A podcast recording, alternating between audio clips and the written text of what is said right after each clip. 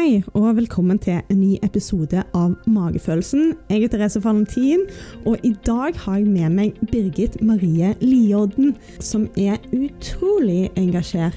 Som virkelig er en av de som endrer verden til det bedre. Birgit har lang fartstid innenfor shipping, og har der faktisk vært med i metoo-kampanjen. Og hun tar tak i trakassering på arbeidsplassen. Hun sørger for et godt arbeidsmiljø, og hun jobber hardt for at verden skal bli mer bærekraftig.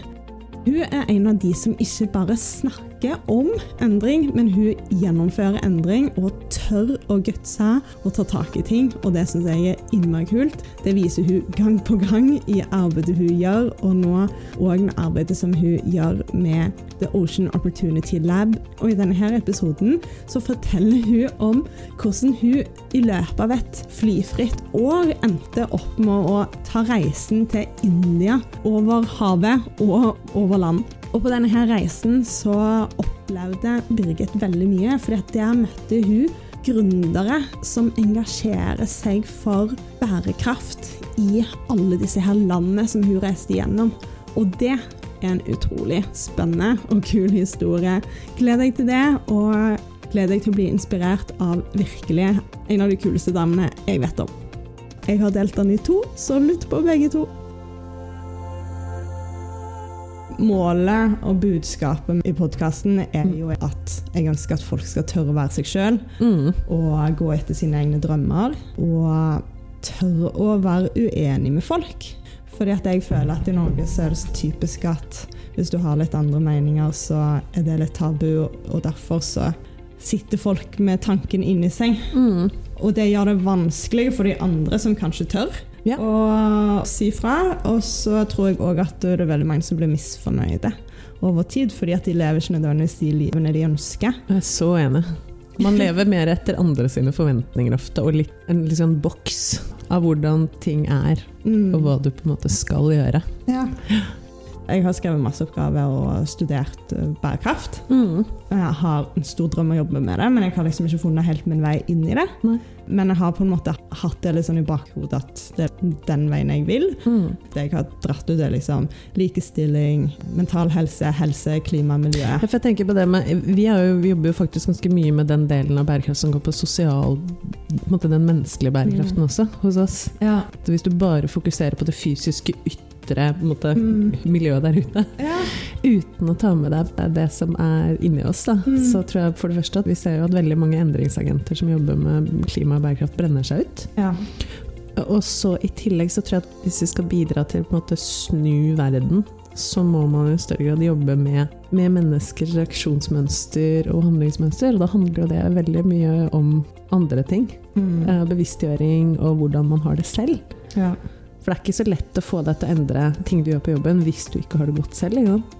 Eller hvis du er stressa, hvis du har masse angst i deg. Og ja, hvis du føler at oi, her kommer all endring, liksom bare bombarderer, bare trykker på meg. Og så Mm. får jeg den flyktresponsen isteden. Heller enn å være nysgjerrig på det og Mm. utforske hva man kan gjøre.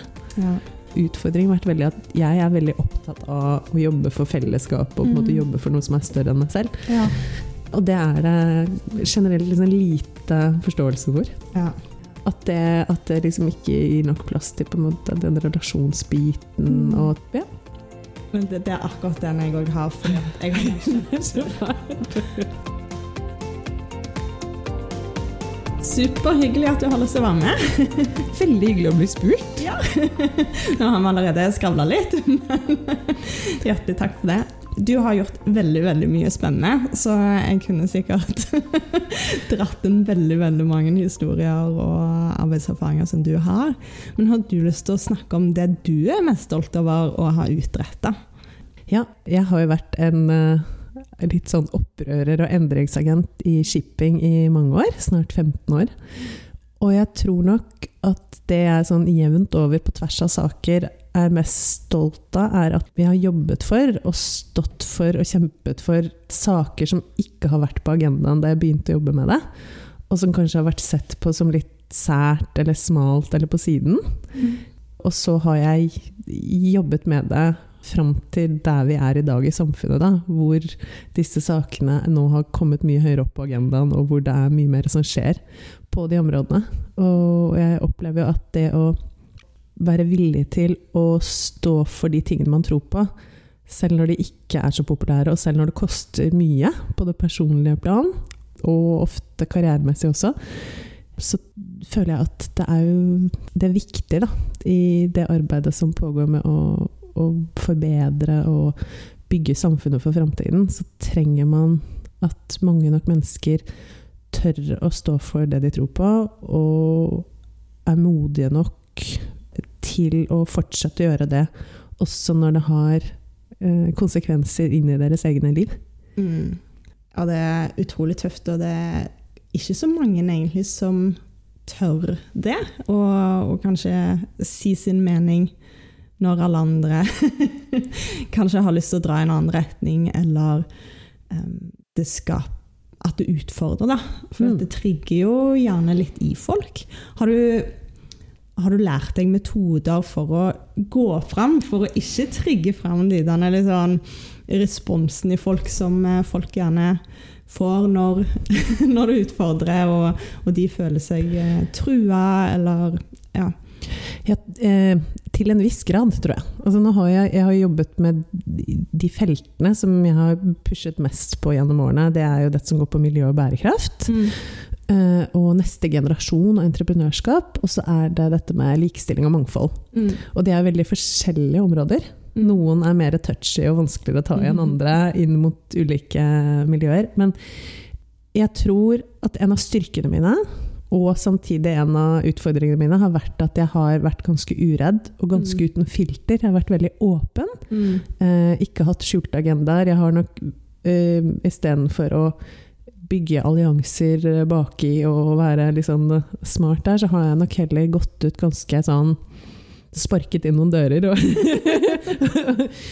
løftet frem saker i media og inn i ulike fora. Eh, Jeg tror nok at det jeg har lært meg etter hvert, er jo å kombinere. Altså at jeg både fortsetter å være meg på det, Mm. at jeg, at jeg tør å være så tydelig. Mm. At jeg tør å, å hive ut de ballene og brannfaklene til tider. Eh, men det at jeg også i større grad er nok blitt bedre på å, å bygge bredden. Sånn at jeg bygger sammen med, med mange andre. Mm. Det tror jeg nok er det jeg har lært meg best. Mm. Og jeg tror, jeg tror jeg også har blitt mer bevisst på hvor redd veldig mange er for endring. Ja.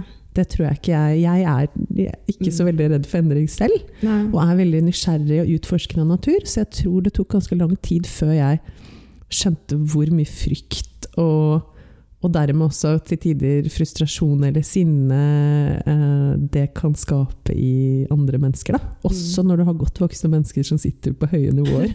Ja. Jeg har hørt om denne reisen du gjorde i fjor, hvor du var ute og reiste en måned. Hvor jeg tror det er mange som hadde tenkt liksom bare sånn Guri, hvorfor skulle de gjøre det, liksom? Men det bare, jeg syns det hørtes sykt gøy ut.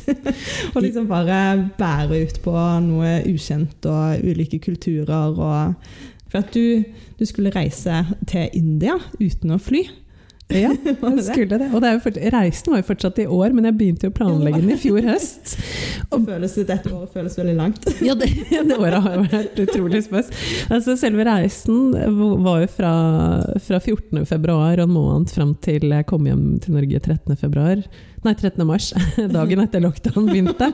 Men, men jeg begynte jo å planlegge den i fjor sommer. Eh, rett og slett fordi jeg hadde Jeg hadde jo egentlig bare gjort et veldig personlig prosjekt for meg, som handler om min egen reise og hvordan jeg møter endring. Mm. Eh, og for meg så er det eh, i veldig stor grad at jeg eh, tester ut og bruker meg selv og mitt private liv eh, som eksperiment Mm. på mange forskjellige måter for å teste ut det å, å leve med eh, bærekraft når jeg da jobber med bærekraft. Mm. Ja, jeg òg er veldig på den at hvis jeg skal snakke om noe, så er jeg òg nødt til å praktisere det. Fordi at det er så lett å si at sånn og sånn burde du gjøre, men hvis du ikke klarer det engang sjøl Og selvfølgelig, det er områder hvor jeg har veldig lyst, og jeg strekker meg etter ting, og jeg ikke alltid mestrer å gjøre det med en gang.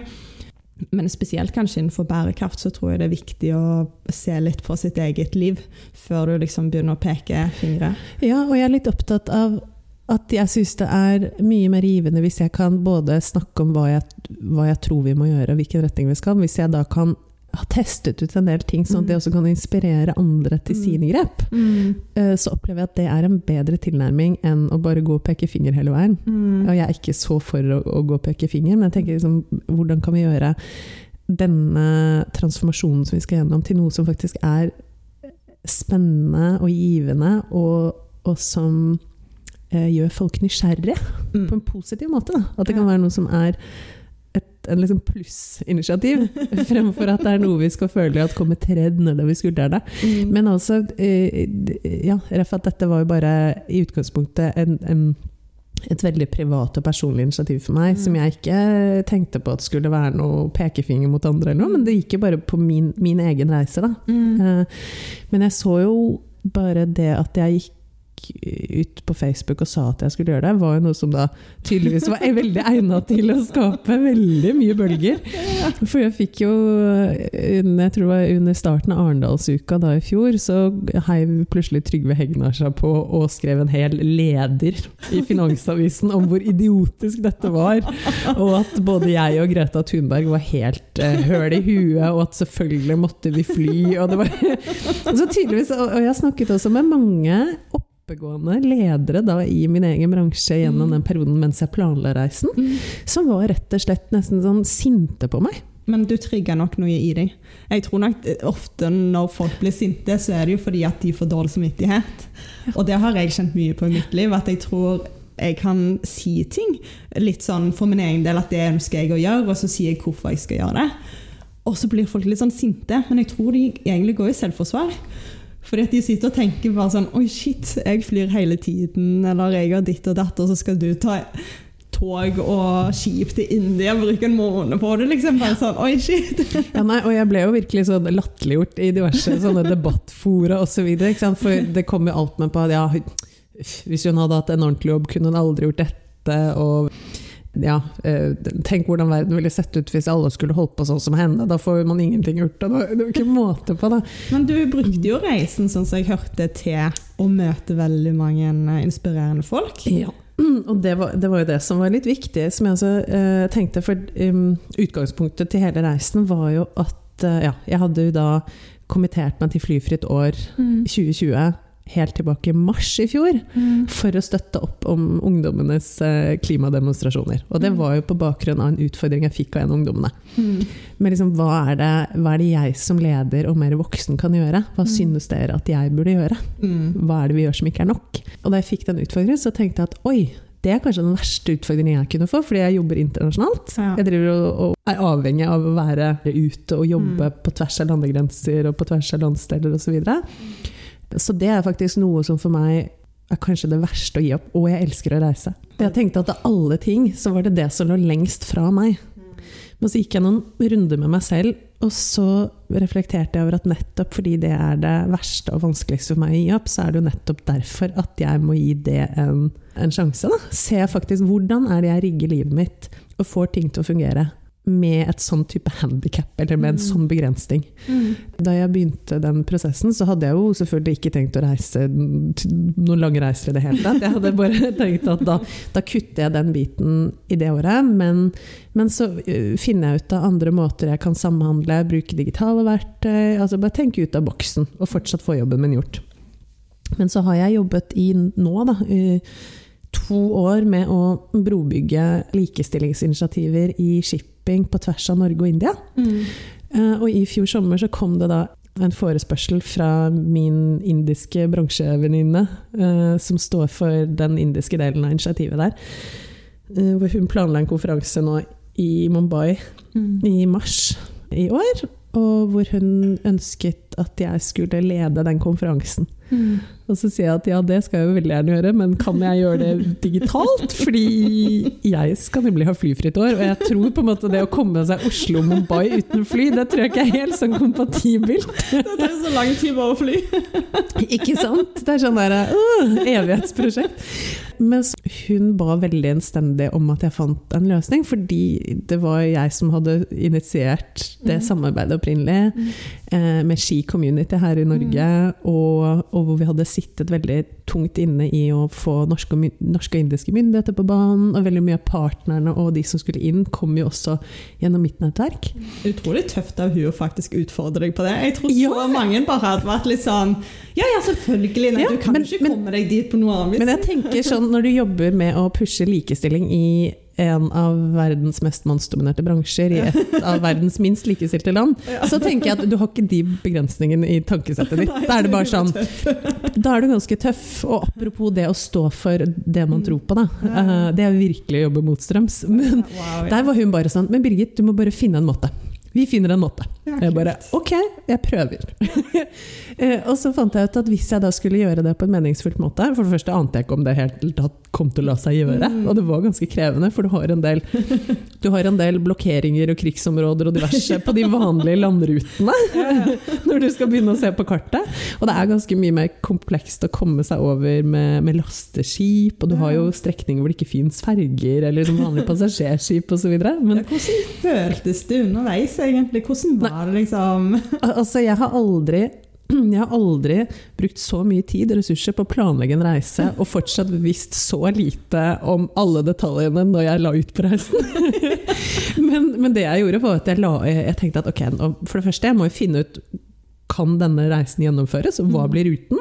Og for det andre, hvis jeg først skal gjøre den og bruke så mye tid på det, da må jeg se på dette som en mulighet til å lære og ta inn masse erfaringer og bli kjent med det arbeidet som pågår eh, gjennom hele den ruten på tvers av da eh, bærekraft og likestilling, som jeg Mm. tror henger veldig tett sammen. Altså Mm. mangfold som driver, egentlig, for å øke kraften og taktskiftet i forhold til bærekraft. Mm. Så jeg la ut en, rett og slett en litt sånn Facebook-hjelpen-post. Ja. Mm. Og så skrev jeg at jeg skal sånn og sånn. Eh, Jeg trenger å komme meg herfra til dit. Eh, Noen som har ideer på ruter, noen som har lyst til å hjelpe meg underveis, osv. Og så dro det liksom på seg. Og jeg, jeg jobbet med mange ruter underveis, og så landet jeg på en rute som, som til slutt lot seg gjøre. Som gikk med, med bil gjennom Europa. Mm. Da fikk jeg låne hydrogenbil av et energiselskap som jeg sitter i styret. Mm. Og så hadde jeg tog eh, fra Frankrike ned gjennom hele Italia. Mm. Og, dette, og reisen min startet jo da fredag, første fredag i vinterferien. Mm. Så egentlig eh, akkurat i den perioden hvor flest nordmenn ble smittet i Alpene. det visste vi heldigvis ikke. Ellers så hadde, hadde jeg startet reisen en uke senere, så hadde det jo ikke blitt noe annet. Nei, sant. Men eh, så reiste jeg da med, med lasteskip i en uke over Middelhavet, fra Italia via Hellas og inn i Israel. Hadde du en pause underveis, eller var det liksom som back to Nei, back? altså det, var jo, det var jo pauser i form av at jeg hadde jo lengre tid på hvert sted. Mm. Så jeg hadde sånn i underkant av en uke hvert land. Ja. Men da reiste jeg jo rundt. Mm. Men jeg bodde jo også hjemme hos flere av de som jeg snakket med, og som jeg skulle treffe, og de som måtte hjalp meg med nettverk Ja. eh, lokalt i de ulike landene. Mm. Så jeg hadde jo en altså det var, Jeg vil jo si at det var en opplevelsesreise. Det var jo Mm. som en, en roadtrip, men med et veldig tungt faglig innhold. Mm. Og til tider veldig sånn tight, eh, tight tid og mye som skulle inn i programmet osv. Mm. Det som jeg kanskje ikke var så forberedt på, var at eh, jeg fikk liksom støttespillere og folk som ville bidra på helt andre nivåer enn jeg Mm. hadde regna med, og, og på tvers av kulturer og landegrenser og nasjonaliteter. Og det var utrolig kult å se at det var en sånn miks av godt voksne menn og damer, og unge menn og damer. Mm. Og veldig på tvers av virksomhetsområder. I- Overalt der du var, var det noen Ja. spesielle kulturer som overraska mer, eller? Jeg tror jo, altså I Midtøsten var kanskje den mest spennende erfaringen, syns jeg. For jeg hadde jo da, om jeg tenker, to og en halv, nesten tre uker gjennom Midtøsten. Israel var jeg på en måte forberedt på at der skjer det mye. De er jo kjent for innovasjon, jeg visste om mye av aktørene der, hva som rører seg. Men ble kanskje enda mer overrasket, og egentlig ganske sånn ydmyk over å se hvordan grasrotaktører og gründere og fantastiske mennesker jobber med eh, miljø og bærekraft og entreprenørskap i et land hvor du hver eneste dag gjennom hele året er i krig. Ja, det er jo helt utrolig at de fremdeles klarer å ha det fokuset. Ja. Og så var det fantastisk å se jeg skulle ønske at det var den type unge endringsagenter man hadde brakt til bordet i Israel-Palestina-konflikten. Fordi at det som jeg også så der, var jo en helt annen tilnærming til at altså Bærekraft er jo så stort og komplekst at hvis vi skal løse de utfordringene som kloden står overfor, så er vi nødt til å gjøre det på tvers av landegrenser. Mm. Da kan ikke ett og ett land stå mot hverandre. Det er ingen oss som kommer til å klare det på egen hånd. Og jeg så at den dynamikken som de jobber med, hvor, hvor også på en måte israelske endringsagenter jobber jo sammen med palestinske endringsagenter, Mm, ja. eh, de har kontakt på tvers. Ja. Og der var det gjennomgående, for jeg, jeg følte at jeg kunne ikke Jeg har alltid vært pro Palestina, så jeg Mm. følte at jeg kunne ikke reise gjennom Israel uten å ta opp det temaet. Og det er jo utgangspunktet sånn som man kanskje liksom ikke skal gjøre. så det må jeg gjøre. Det kunne vel kanskje potensielt òg vært farlig? Ja, ja, altså. Jeg tenkte at siden ingenting skulle sendes live, på en måte, så var det greit. Ja, det Men, men det som var veldig spennende, var at jeg, jeg spurte jo ut og, og snakket med folk eh, Omtrent alle de jeg møtte i Israel, diskuterte jeg jo hva, liksom, hva hvordan tenker dere rundt Israel og Palestina, og når man kobler det inn i en bærekraftkontekst. da. Og det som, jeg, det som jeg så der, hver side har jo på en måte sitt perspektiv, men samtidig så eh, var det en av mine etter hvert gode venninner, da. Hun bor i en kibbutz helt nord i Israel, på grensen mellom Syria og Libanon Wow. og jobber med bærekraft, og hun jobber med sosial bærekraft, fokusert på å, å motvirke utbrenthet blant eh, miljøaktører og, endringsagenter. Hun er av den oppfatning at hvis man kunne satt kvinner til bordet i konflikthåndtering og sa de har prøvd alt, de har prøvd alle mulige aktører inn og parter til bordet etc. eh, for å finne løsninger. Det de ikke har prøvd ennå, det er kvinner. Mm. Hun mente at hvis man hadde satt kloke kvinnelige ledere rundt bordet, så ville de kunne løse den konflikten i løpet av en halv dag og ha tid til å drikke kaffe. og jeg tenker, og, og akkurat det med, med mangfold og likestilling og, og på en måte kvinners rolle og, og nye tanker rundt dette med lederskap og bygge sammen altså Det å kanskje gå bort fra den tradisjonelle liksom, kapitalistiske vestlige tilnærmingen vi har hatt, hvor én skal vinne, og det er på bekostning av en annen. Men isteden klare å, å finne noe som er større enn seg selv, og tenke at hvis vi ikke løser det, så vinner ingen. Én pluss én er tre, er liksom den retningen Ja. vi må i. Ja, jeg liker Og hva det han heter, han som har skrevet boka om eh, non-violent communication? Um, har du hørt om han? Mhm. Ja, Mm. eh, og han fokuserer veldig på det med at og veldig ofte så prøver vi å finne et kompromiss, Mm. men istedenfor, hvis du fokuserer på å dekke ditt behov og mitt behov, så faktisk kan det være mulig, fordi Mhm. at vi har ulike behov. Og de Nemlig. går ikke på tvers av hverandre, men ofte så skal du finne et kompromiss som skaper veldig mye splid. Mm. Men hvis det er sånn, ok, hva er det du har behov for? Hva kan vi gjøre for deg? Og så liksom snakker du sammen på den måten, så, så blir jo partene eh, veldig mye mer fornøyde. Ja. Mm. Det sitter en annen fantastisk norsk leder i Filippinene og jobber nå med et, eh, et sånn eh, fredsprosjekt der. Og der også har de jo sant, hentet inn en kvinnelig leder for første Mm. gang. Og det har tatt ned tidshorisonten på det prosjektet med tror jeg, halvannet år. Fra fem til tre og et halvt år. Men har de, er, det er rett og slett det å liksom finne enighet? Eller hva, hva er Altså, det de gjør? Det jeg tror eh, som, som jeg i hvert fall har fått forståelsen av der, og som faktisk var tema for en av, en av samlingene som fant sted i Jordan da jeg reiste videre fra Israel til Jordan, det gikk jo på at du kanskje tenker mer økosystembasert og mer helhetlig. Hvis du tenker at det er mer i en sånn landsbytenkning Mm. ved at kvinner tradisjonelt har hatt en helt annen rolle i å måtte ivareta og, og sikre flere ulike behov samtidig. Mm. Sånn at man, man strekker seg for å ikke bare tenke ett steg frem, men man trenger flere steg frem og flere interessenter eller behov da, som kan dekkes samtidig. Ja, hvordan, hvordan kan jeg dekke mine behov uten at det går på bekostning av alle andre? Mhm. sånn som det kanskje Ja. har blitt mer av, da. For det ser du at den veldig maskuline, litt sånn dominerende lederstilen, den fører også med seg mye mer type konfliktbilde og kanskje smalere perspektiver. Mer Mm. kortsiktige, fokuserte avgjørelser også. Så Jeg vet ikke helt om det bare er mannlig eller det kan jo Nei, jeg tenker er at det har jo ikke noe med nødvendigvis med kjønn, men da tenker jeg mer Ja. på feminine Ja. Eller hva skal man si da? feminine ja, Feminine trekk. Ja, hvis du, hvis du snakker yoga. Ja. Sånne, ja. Ja. Energi, på en måte. Ja, Ja. det skjønner jeg. Mm. Så, nei, så jeg tenker at eh, definitivt at, at liksom, mannlige ledere kan jo ha også egenskaper som man da assosierer med feminin lederstil. Da. Eller kommunikasjon. Men det er jo den maskuline måten å lede på som har vært veldig gjeldende de siste vet ikke, tusen årene. Ja, og så ser du, du ser det helt til det ytterste nå med Trump og en del av de populistisk valgte lederne som sitter i stater rundt omkring, med veldig sånn strongman leadership på den ene Mm. siden, hvor det handler veldig om å være hard og brutal, ikke sant, og Mm. boom, dominere og skremme andre, og, og, og. Og så har du den helt andre ytterpunktet som er mer type forsonende, mykere, som handler om å bygge broer. Mm. Så jeg syns det er utrolig spennende å se hvordan er det vi kan måtte utforske den delen Mm. for å klare å komme sammen på tvers da, av ulike bakgrunner og meninger og perspektiver Mm. eh, for å nå lage løsninger. Og Det var det jeg kanskje var mest overrasket over da, i, i Midtøsten. Både som startet i Israel og så gjennom Jordan, Saudi-Arabia, Emiratene. At det var der hvor jeg kanskje tenkte at man hadde kommet mye kortere. Fordi vi har et sånt syn på Midtøsten liksom jevnt over.